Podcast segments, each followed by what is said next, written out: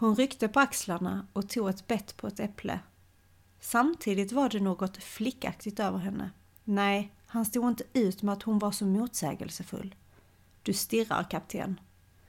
Han var på väg att be om ursäkt, men hejdade sig. Hon var en högdragen, vulgär, ytterst ohyfsad lönnmördare.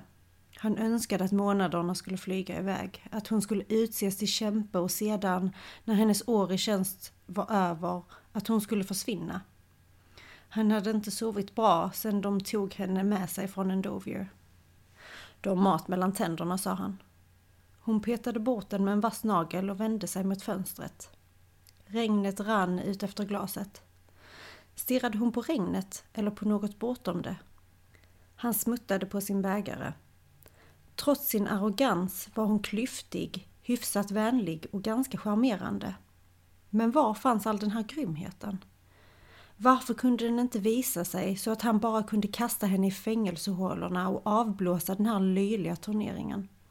Det fanns något stort och dödligt inom henne och han tyckte inte om det. Han skulle vara beredd. När tillfället kom skulle han vara redo. Han undrade bara vem av dem som skulle överleva.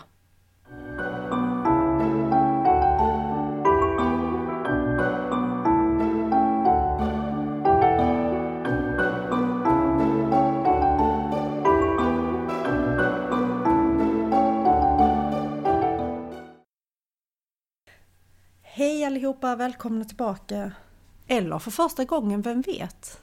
Eller hur? Välkomna till Read Me Watch Me med mig Daniela. Och mig Matilda. Och vår podd. Och vår podd. Och vår podd. Ja. Vår snackepodd. Ja, väldigt mycket så. Men idag, idag har vi ju faktiskt ett upplägg tänkte jag säga, det brukar vi ha. Det är inte så att det är första gången vi har det. Men vi har kanske ett mer genomarbetat upplägg denna gången eftersom vårt ämne är ganska stort. Precis. Vad är dagens ämne?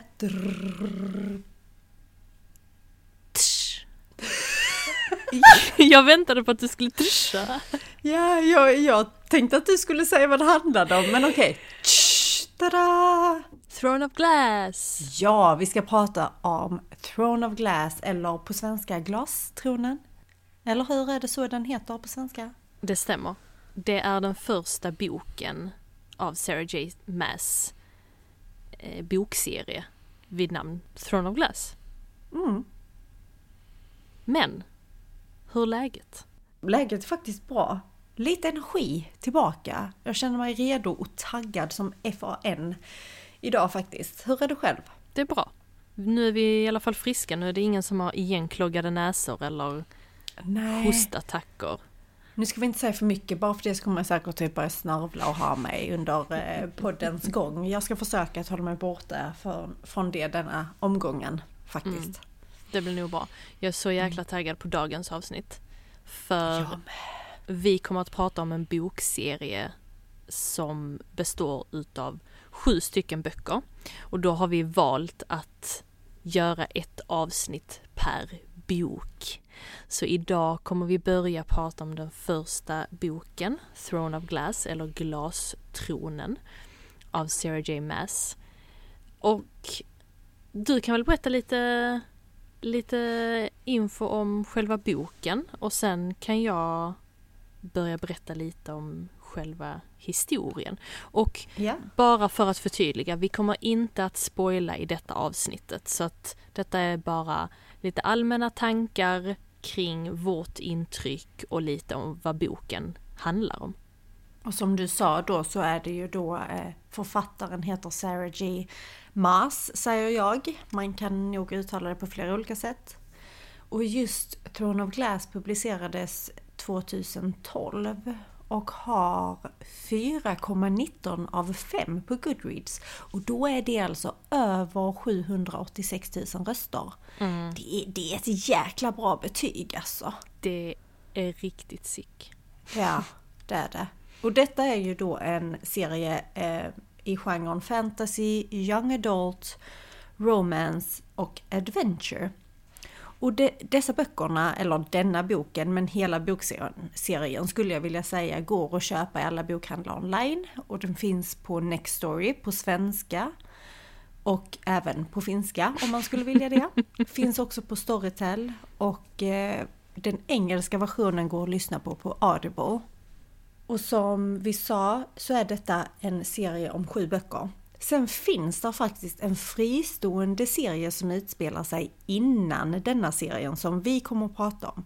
Och den här fristående prequel-serien består av fem böcker.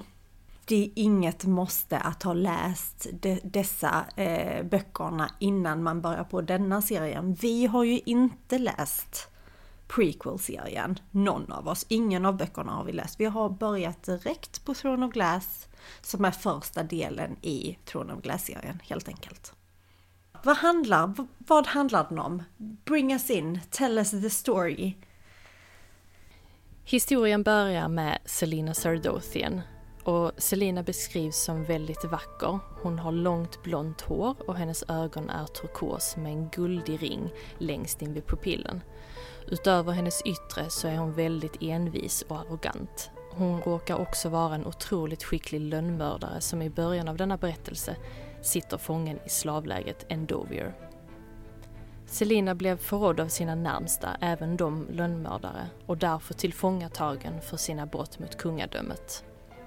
Ingen vet att det är hon som bär titeln Adderlands Assassin. En titel som är vida känd för den brutalitet och dödlighet som alltid är resultatet av hennes uppdrag. Hon är skräckinjagande och alla som har oturen att råka ut för Adderlands Assassin vet med all säkerhet att döden är att vänta. Ens enda hopp är att det ska gå snabbt och smärtfritt, vilket det sällan gör. Hon sitter fången i Endovier saltgruvor som ligger norr i Adderland där andra förrädare till riket hålls i det djupaste mörker mörkertillstånd den dagen de dör. Saltgruvorna är ökända och alla vet att fångarna där oftast inte klarar sig längre än en månad. Dels för att de inte har tillgång till mat och dels för att de får stå ut med piskslag på ryggen som aldrig tillåts läka.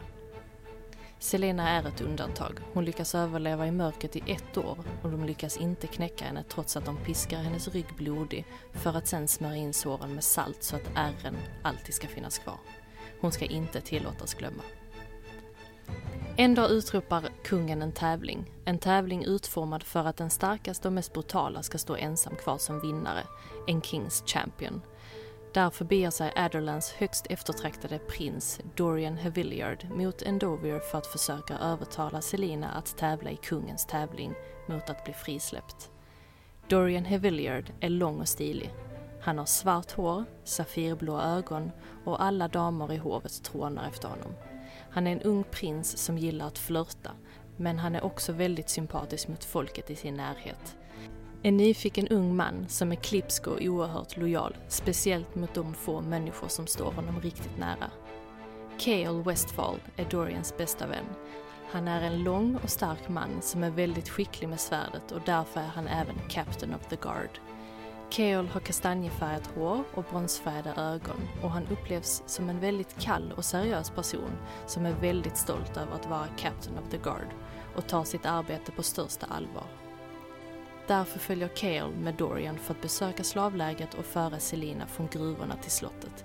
Enbart för att kämpa för sitt liv i en tävling som visar sig ha många fler hemligheter än vad hon någonsin hade kunnat drömma om. Det blir ett äventyr utan dess like när nya världar öppnar upp sig och alla inblandade tvingas reflektera över sin egna roll i det politiska spelet som pågår i kungariket Adderland. Nu har vi fått en liten summering över vad första boken handlar om. Alltså det är ju en väldig introduktion, denna boken. En väldig introduktion till en värld som eh, innefattar väldigt många olika saker. Alltså det är mycket politik och det är mycket varelser och det är mycket, eh, många relationer och då menar inte jag kärleksrelationer utan personliga relationer folk sinsemellan som, eh, som är underbara. Som är väldigt väl skrivna i denna boken skulle jag vilja säga. Jag tänker när du började läsa denna boken, vad tyckte du om Selena? Mitt första intryck är att hon, hon är en väldigt nerbruten människa. Man vet, man känner av att hon har ett förflutet som inte är så jättebra, som har gjort att hon har kommit in i den här rollen som en lönnmördare. Och man, man får ju läsa om hennes tid i den här saltgruvan. Eftersom där är sju böcker så tänkte jag mer att hon kommer vara riktigt badass. Vad tyckte du om Selina? Ja, alltså det är lite intressant det du säger om just det här att du upplever henne som rätt så nedbruten. För jag håller med samtidigt som jag inte håller med. För hon har ju verkligen den här attityden och arrogansen som hon visar väldigt mycket utåt. Sen får man ju också följa den här inre eh, eh, alltså, eh, vad ska man säga, inre tanken hon har hela tiden om, om att hon mår lite dåligt kanske över vissa saker och som det här med att hon har ärren på sin rygg som en ständig påminnelse om det hon fick utstå i saltgruvorna. Det är ju någonting som verkligen följer henne i, i allt hon gör, att liksom för att bli påmind om vem hon är ungefär och att hon tog sig därifrån på något sätt. Så vad jag tycker om henne, när jag läste denna boken så tyckte jag att det var väldigt oklart vad jag tyckte om henne. Jag hade mm. liksom inte, jag visste inte vad jag tyckte. Det var ingen sån tydlig. Och samtidigt så fick jag en sån här känsla att hon kommer utvecklas, alltså här kommer någonting hända. Någonting kommer eh, ge sig. Jag tror det var därför jag inte riktigt heller visste vad jag tyckte. För att det kändes så tydligt som att okej, okay, jag får vänta tills hennes eh, personliga resa börjar innan jag vet vad jag tycker om henne. Jag känner inte heller att jag tyckte så mycket om henne mer än att man försöker för, alltså föreställa sig hela världen som de befinner sig i. För det är ju oftast så med fantasyböcker att när du blir inslängd i det så fattar du absolut, ing, du har absolut ingen aning om vad som försiggår och vad allt heter och vad allting kallas förrän man kommer in i boken. Så det var också ganska svårt att förstå henne för man förstår ju lite att hon har så mycket historia men man kommer få reda på det sen liksom. Men okej, okay, ska vi gå över till pojkarna? Vad, vad, vad var ditt första intryck av prinsen? Dorian Havillard? Dorian Havillard, jag... Um, alltså jag gillade honom lite ändå för att han, han, var, han är liksom sån här nonchalant och i lite moderna termer lite player snubben. Och jag gillade honom också för att det kändes som att okej okay, fast han kommer inte vara så enkelspårig. Han, någonting kommer hända, eller jag hoppades att någonting skulle hända och mm. utvecklas med honom eh, som karaktär. Så därför så var jag lite spänd på att se, okej okay, var kan detta hamna? För att han började i det spåret och, och det jag vill egentligen lägga till om Selina var ju att det jag kanske så, i sådana fall kände kring hennes karaktär var att jag gillade att hon var en så här stark karaktär. Hon är inte den här typiska damsel in distress överhuvudtaget utan hon är väldigt stark så här. Hon behöver ingen, hon klarar sig. Mm. She's doing just fine. Men vad tyckte du om eh, Prince Dorian? Jag, jag gillade honom, men det som du säger, han, han var mest där.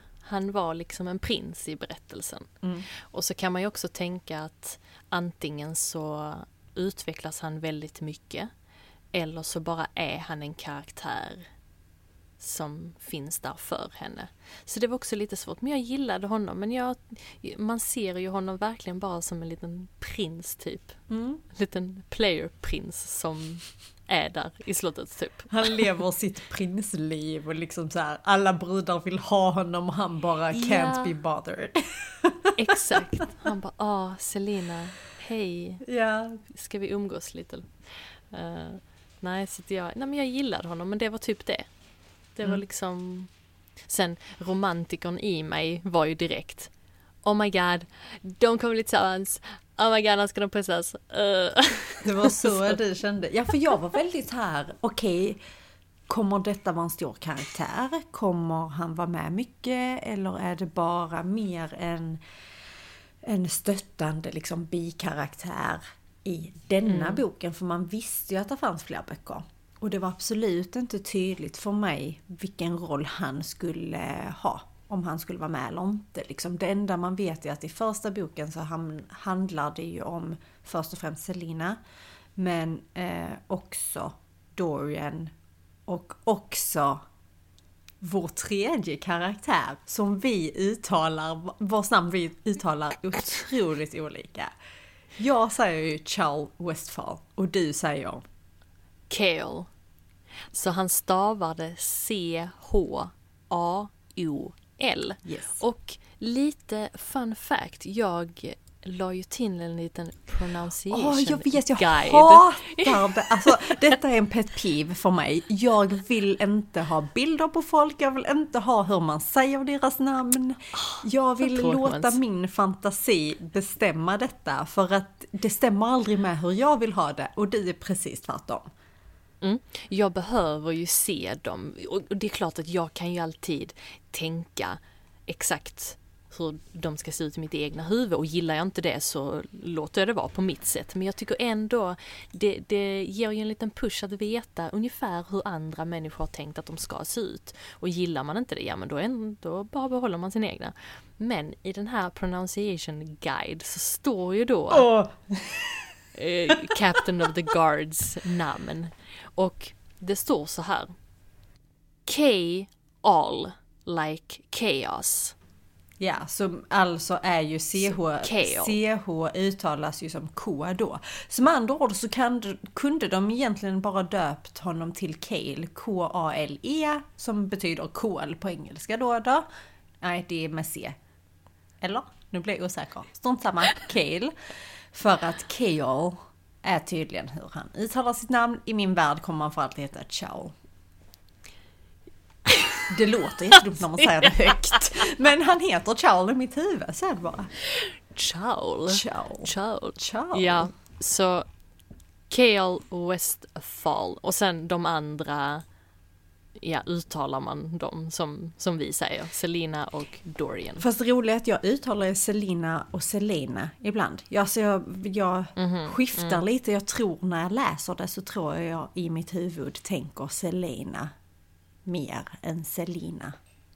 När jag tänker Selena, ja. då hör jag bara en riktig skåning säga Selena. Så att jag, jag tror jag skiftar också lite beroende på hur ja. uppmärksam jag är på mitt uttal eller inte. Men Selina, det stavas ju C-E-L-A-E-N-A.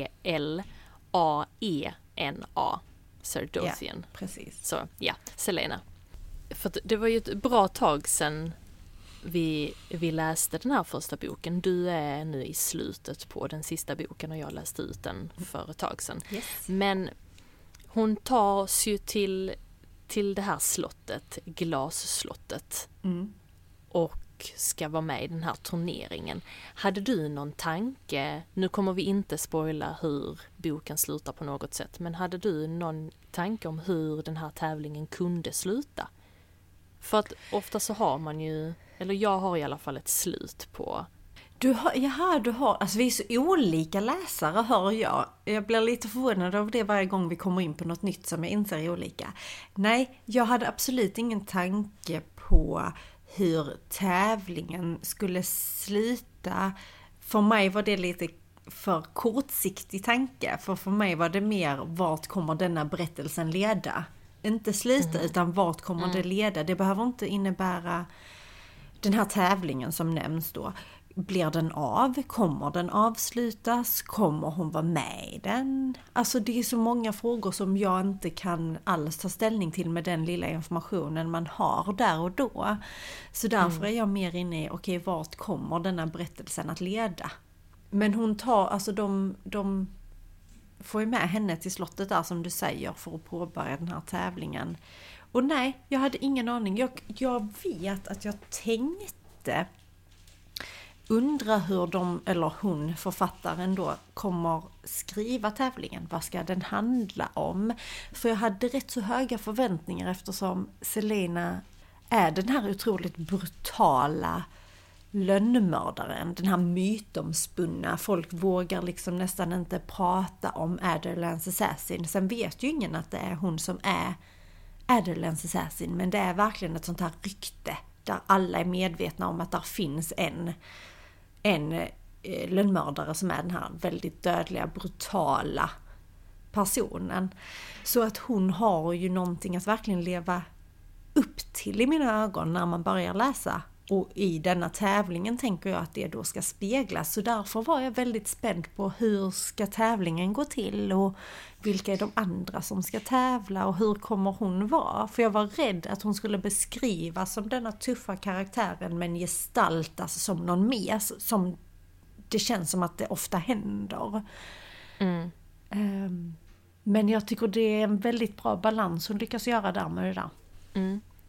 För att när man får höra hela den här biten om att hon är en mytomspunnen lönnmördare så har man inte riktigt fått läsa vad det är hon faktiskt har gjort som gör att hon är den här lönnmördaren. Så det är också en, en utveckling man är spänd på att se. Alltså, som du säger, att vad är det som gör henne till en sån sjuk lönnmördare? Vi vet ju ingenting än och då har man ju så mycket som man tänker, vad kan hon göra för att hon ska vara så här sjuk? Och sen är det ju som sagt så, vi har ju de här fem böckerna som utspelar sig innan denna boken vi pratar om. Och där tror jag man får med väldigt mycket av hennes liv innan Endovier. Ja precis, för att i denna boken som vi pratar om nu, eh, Throne of Glass, där hintas det ju lite om vad som har hänt tidigare men inte såklart så pass mycket som som böckerna. Så man har ju en liten aning om, om det. Ja, precis. Jag tänker för att vi ska måla upp en liten bild av vad Adderland faktiskt är för något. Så att man får en liten känsla av var man befinner sig. Adderland är ett rike. I det här riket så regerar Haviliard-familjen. Och det är då Dorians pappa som är kungen. Han bor tillsammans med sin mamma, pappa och lillebror i huvudstaden Rifthold. Så där kommer allting utspela sig och sen har vi städerna Mea, Aniel och Morath som också är ganska stora. Mm, och som ingår i Adderlands rike, alltså riket Adderland då, då. Och sen är ju Rifthold är ju då den här, eh, ja men det är huvudstaden som ligger, där går en flod genom Rifthold, är det inte så? Averyfloden mm. rinner väl igenom staden om jag inte missminner mig. Eh, och det är också vid, Rifthold ligger vid havet så det är som en hamnstad och i den här hamnen så finns det både krigsfartyg och handelsfartyg och fiskebåtar. Eh, så därför är ju staden, har ju då vatten på en sida men sen är den även skyddad runt om av stora vita murar. Och så är det den här gamla typen av kullerstensgator i staden. Så man får verkligen en sån här fin bild. Eller jag fick en väldigt fin bild när man får den här beskrivningen i boken av Rifthold. Så fick jag en väldigt tydlig av hur det ser ut inför mitt inre. Det är den här mm. stor, alltså Eh, en stor del av den här lägre klassen som upptar slummen. Som ger staden en, den här smutsiga och den här stanken som finns i staden liksom. Och sen att där även finns en rikare del, det här shoppingdistriktet och träd och, och eh, så här, avenyer och sådana saker. Så det är, det är en väldigt härlig beskrivning. Där är jag lite tvärtom för att min min första bild var ju att slottet och det var väldigt fint såklart och det runt omkring. Men så fort man kommer några hundra meter utanför då så kommer då den här slummen med den här äckliga lukten och du vet det är så mycket folk som, som är fattiga och men just där vid slottet så är allting väldigt bra. Så jag hade en helt annan jag tänkte inte alls att det var så fint som... Nej men jag menar inte att själva staden är fin utan jag menar att beskrivningen av staden är fin. Alltså att den är väldigt målande. Det var det jag menade. Men absolut, slummen är otroligt slummig och den rika delen är otroligt rik. Men det är en väldigt så här... man kan se det. Sen tror jag nog att våra bilder av det är väldigt olika varandra. Men man kan ju ändå så tydligt på något sätt se det när allting utspelar sig och man får vara med om de här olika delarna av Rifthold och slottet. För där är hon ju väldigt duktig, duktig, duktig på att måla upp en, en härlig miljöbeskrivning. Hon, hon gör det här världsbyggandet, vilket man kommer att behöva inför de andra böckerna. Man måste eh, få den, alltså få en viss känsla för just det här stället. Och kungafamiljen bor ju då i det här glasslottet och den är byggd ovanpå, eller ovanför, det ordinarie stenslottet som var där tidigare.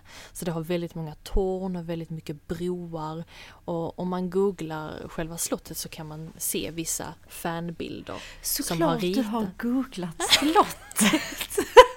men jag vill få en känsla. Ja. Och det är ju väldigt så fantasy, det är ju väldigt spetsiga torn uppåt och man ser lite av den sten, gamla stenslottet under till.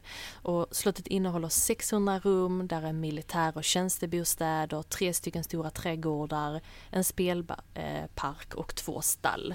Så det är ju väldigt, väldigt stort. Så att även om man kanske befinner sig på samma ställe i väldigt stor del utav boken mm. så blir det inte tråkigt heller. Nej det blir det inte. Alltså det... att det är samma miljö eller vad man ska säga. Och Rifthold, äh, Rifthold är ju ett väldigt stort ställe med. Så att det är ju inte den här lilla... Alltså det, det är ju inte, det, som du säger, man blir inte uttråkad. För att där är mycket mer att beskriva i olika delar och, och allt vad det är. Bara slottet i sig är ju enormt liksom. Mm. Ja, nej, men ska vi gå vidare? Där är lite fakta till som jag tycker vi skulle få in här. Som att Selina har ett alias. För att hon vill ju hålla sin identitet hemlig. Varför och huruvida det är tänker vi inte gå närmare in på. Men hon kan ju gå under namnet Lillian eh, Gordana också. Exempelvis. Under tiden hon är på det här slottet och deltar i den här turneringen så har ju även 23 andra personer eh, från kungens hov utsett hov, sina... Förlåt. Ho, vad sa jag? Hov. Hov är en sån som hästar har. Eh, och kungar har hov. Ja, de kan ha hovar med, vad fan vet jag. Det är ju fantasy dessutom, så att de kanske har hovar. Exakt! Du kan inte neka mig min bild Nej, av ett det är hov. sant. Kung, kungen i Adelen har hov.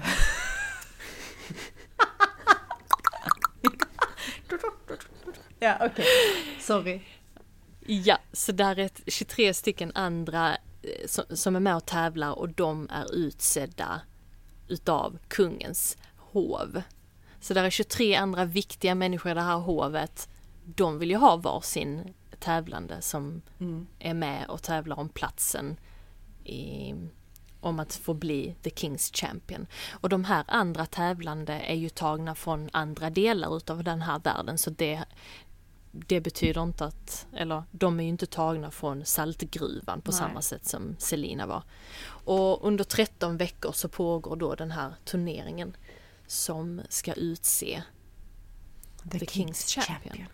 Sen är det ju också så att det de har gemensamt, alla de tävlande, det är ju att alla är ju brottslingar. Det är tjuvar, det är lönnmördare, det är Alltså det, det, de mest brutala och manipulativa och snikiga människorna liksom som folk har kunnat hitta. Det är ju därför de har tagit med dem till den här tävlingen då. då. Just för att de ska ju vara, det är det kungen söker i tävlingen helt enkelt. Jag tänker egentligen att vi ska lämna fakta, faktan där. Jag vill gå in på vad vi tycker. För jag tänker att det är väl kanske det som är, är egentligen det intressanta. Faktan kan man ju leta upp. Men jag tänker att ja. vad, vad tycker vi? Jag skulle bara hitta, vänta, jag skulle hitta min vad fan, jag Jaha, skulle hitta min... din eh, Goodread-bedömning. Ja. Hur många stjärnor skrev... hade du gett den då? Ja, men jag skrev ju Throne of Ass. Jag ska hitta. Det var det jag försökte visa. ja. Throne of Ass, det låter inte som du tyckte den var jättebra. Oj, jag gav den två stjärnor. Jo, men jag är inte jätteförvånad. Nej, jag tror att jag har ändrat den Ja.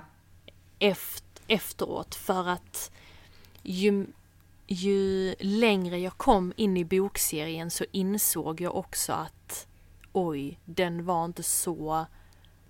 Grejen att jag ska, jag ska säga som det är. Hon började ju skriva denna bokserien när hon var 16 år och detta, har, detta skrivandet har ju pågått i över 10 år. Så när hon kom ut med den första boken så var det ju hennes 16-åriga jag lite mer förfinat kan jag tänka mig. Så efter varje bok så blir den ju bättre och bättre och bättre. Och jag tror att när jag väl kom till de böckerna, till de senare böckerna, så insåg jag liksom oj vilken utveckling hon har gjort. Så att mina två stjärnor är inte för att jag tycker att den är dålig.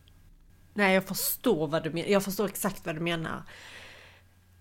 Alltså för grejen är det att detta är en bokserie som man kan såklart som allt annat som en serie. Du kan välja att se det bit för bit och bedöma det därefter. Eller så ser du det som en helhet och bedömer det därefter.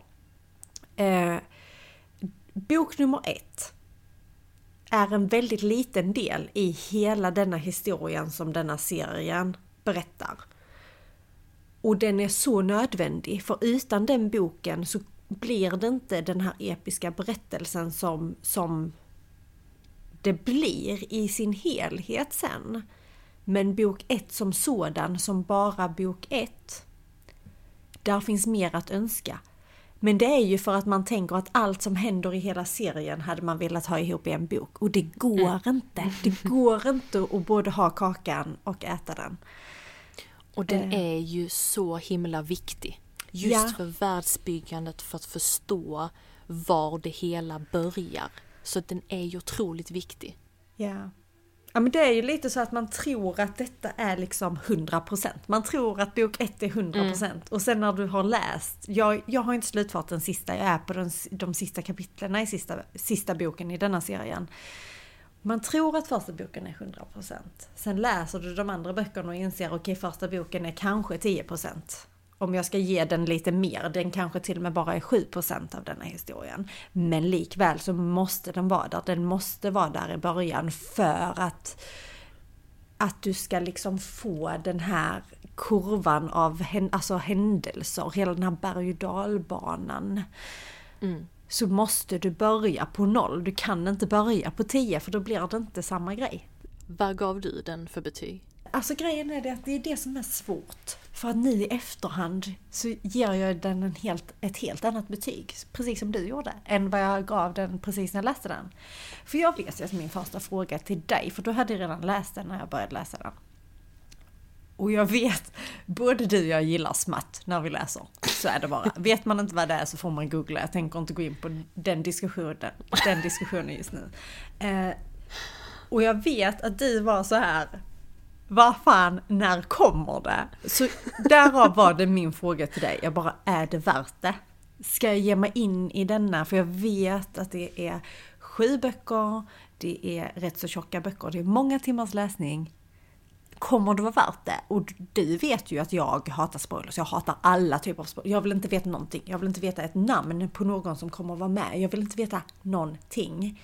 Så jag kan tänka mig att det var svårt för dig att liksom utan att säga för mycket. Men det enda du sa vad jag vet är att ja det är värt det, läs den. Och så började jag läsa. Och har inte folk förstått det vid detta laget, om ni har lyssnat på våra avsnitt sedan tidigare, så är jag en väldigt stort fan utav romantik och alla kärleksrelationer som innefattar en man och en kvinna, eller en alv och en whatever. Så för att ha läst en bokse eller en bok som jag kanske förväntade mig någonting annat utav. Mm. Så är det ganska stort att jag säger att det är värt det. Jag vet inte vilken bok jag var på när du började läsa ettan. Jag minns inte heller men jag tror du var kanske på tredje. Jag känner igen det, ja av, med tanke på vad du sa då och nu när jag har läst det så kan jag någonstans koppla det till att du borde ha varit på den tredje boken. Jag tror också det. Det känns, för att jag, var inte, jag hade inte läst så många.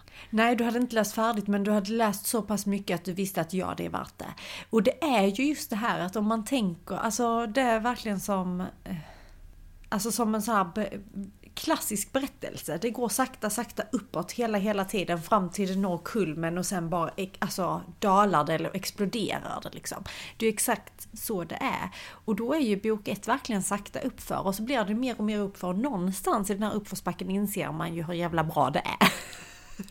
Ja, och just att man inte kan lägga sig ifrån den för man vill ju veta vad det är som händer även om man kanske, om man nu skulle uppleva eh, en bok som långsam eller eh, det är alldeles för mycket beskrivande så någonstans i hela denna historien så vill du veta hur kan det ha blivit sju, sju böcker om inte Om det inte är mer än så här, hur blev det sju böcker? Ja. För så är det i första boken. Man bara, om detta är vad det ska handla om, hur kan det vara sju böcker? Och det är precis därför man ska fortsätta läsa. Det är verkligen exakt därför man ska fortsätta läsa. För att det, alltså för bok ett, man kan aldrig ana. I min värld, jag har också läst en hel del men jag hade aldrig kunnat ana vart vi skulle hamna i slutändan. Nej, absolut inte. Jag berättade ju lite kort för Nevin igår vad denna serien handlar om. Han trodde nog det var en bok jag menade för att han sa bara hur lång är den här boken?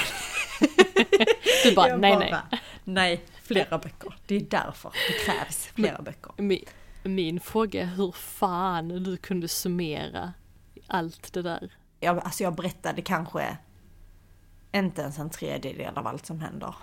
Alltså det är så mycket. Men poängen nu då? Av fem... Vänta lite. Låt mig komma på någonting bra vi kan använda som referensram här. Glasslott. Ja, det kan vi ta. Eller av fem lönnmördare. Välj själv. Jag, eftersom jag vet att jag, eller jag troligtvis har gett den fyra. För jag ger aldrig böcker en femma. Det gör du visst det jag har sett dig. Ja, men det... det Okej, jag, jag kryddade. Ja. Jag, det är väldigt sällan jag ger böcker en femma. Så jag tror nog att jag gav den en fyra. Sen när jag pratade om det med en, en kompis som också hade läst dem så kände jag nog, nej, en tvåa. Så jag litar på mitt eh, dåtida jag och, tar, och ger den en tvåa för att det finns så, så mycket mer man kommer att läsa i denna serien att det gör ingenting att Att den har ett lägre betyg som ensamstående bok. ja, Så tänker jag med. Eh, för det är ju denna boken vi gör en bedömning på i detta avsnittet. Och jag får nog säga, den är välskriven och man förstår att det är mycket som ska hända. Enligt mig så var det också lite frustrerande att det inte kommer mer än vad det gjorde samtidigt som jag nu förstår varför. Så jag ger den en trea. Sen tycker jag att i sista avsnittet om den sista boken så får vi, får vi bedöma serien som helhet. Vi får ge serien ett betyg och inte böckerna enskilt. Men en trea, tre glasslott. eller lönnmördare. Eller lönnmördare. För den riktar ju sig också till en yngre publik. Det är young adult. Jag skulle nog rekommendera att de från 14-15 år skulle kunna läsa den. Men nej, jag kan hålla med om den åldern, alltså att det börjar där och sen var det slutar det är ju helt upp till var och en. Så att man behöver inte säga vilket åldersspann som är liksom taket på det där. Men jag tror att vi eh, knyter ihop säcken här. Alltså jag måste sluta vara så jävla klyschig. Men jag, jag, tror, tror, du säger det alltid. jag tror också ja, men jag säger alltid sådana saker, jag kan bli så trött mig själv. Jag tror att vi, vi känner oss färdiga där för att ju längre vi pratar desto större risk finns det att vi börjar spoila saker eller prata om kommande böcker och det ska vi inte göra. Nej. Så om ni känner att ni vill läsa den, läser ut den, dela gärna med er av vad ni tyckte. Håller ni med mig och Matilda? Vill ni ge den ett högre betyg? Vill ni ge den ett lägre betyg? Så dela gärna med er. Så att, eh, det hade varit jättekul att få höra vad, vad du eller ni tycker. Och också vad vad tror ni händer i de kommande böckerna? För den är svår. Den är svår att gissa. Så det hade jag jättegärna velat höra ifrån någon om man har någon gissning innan man mm. läser vidare. Liksom.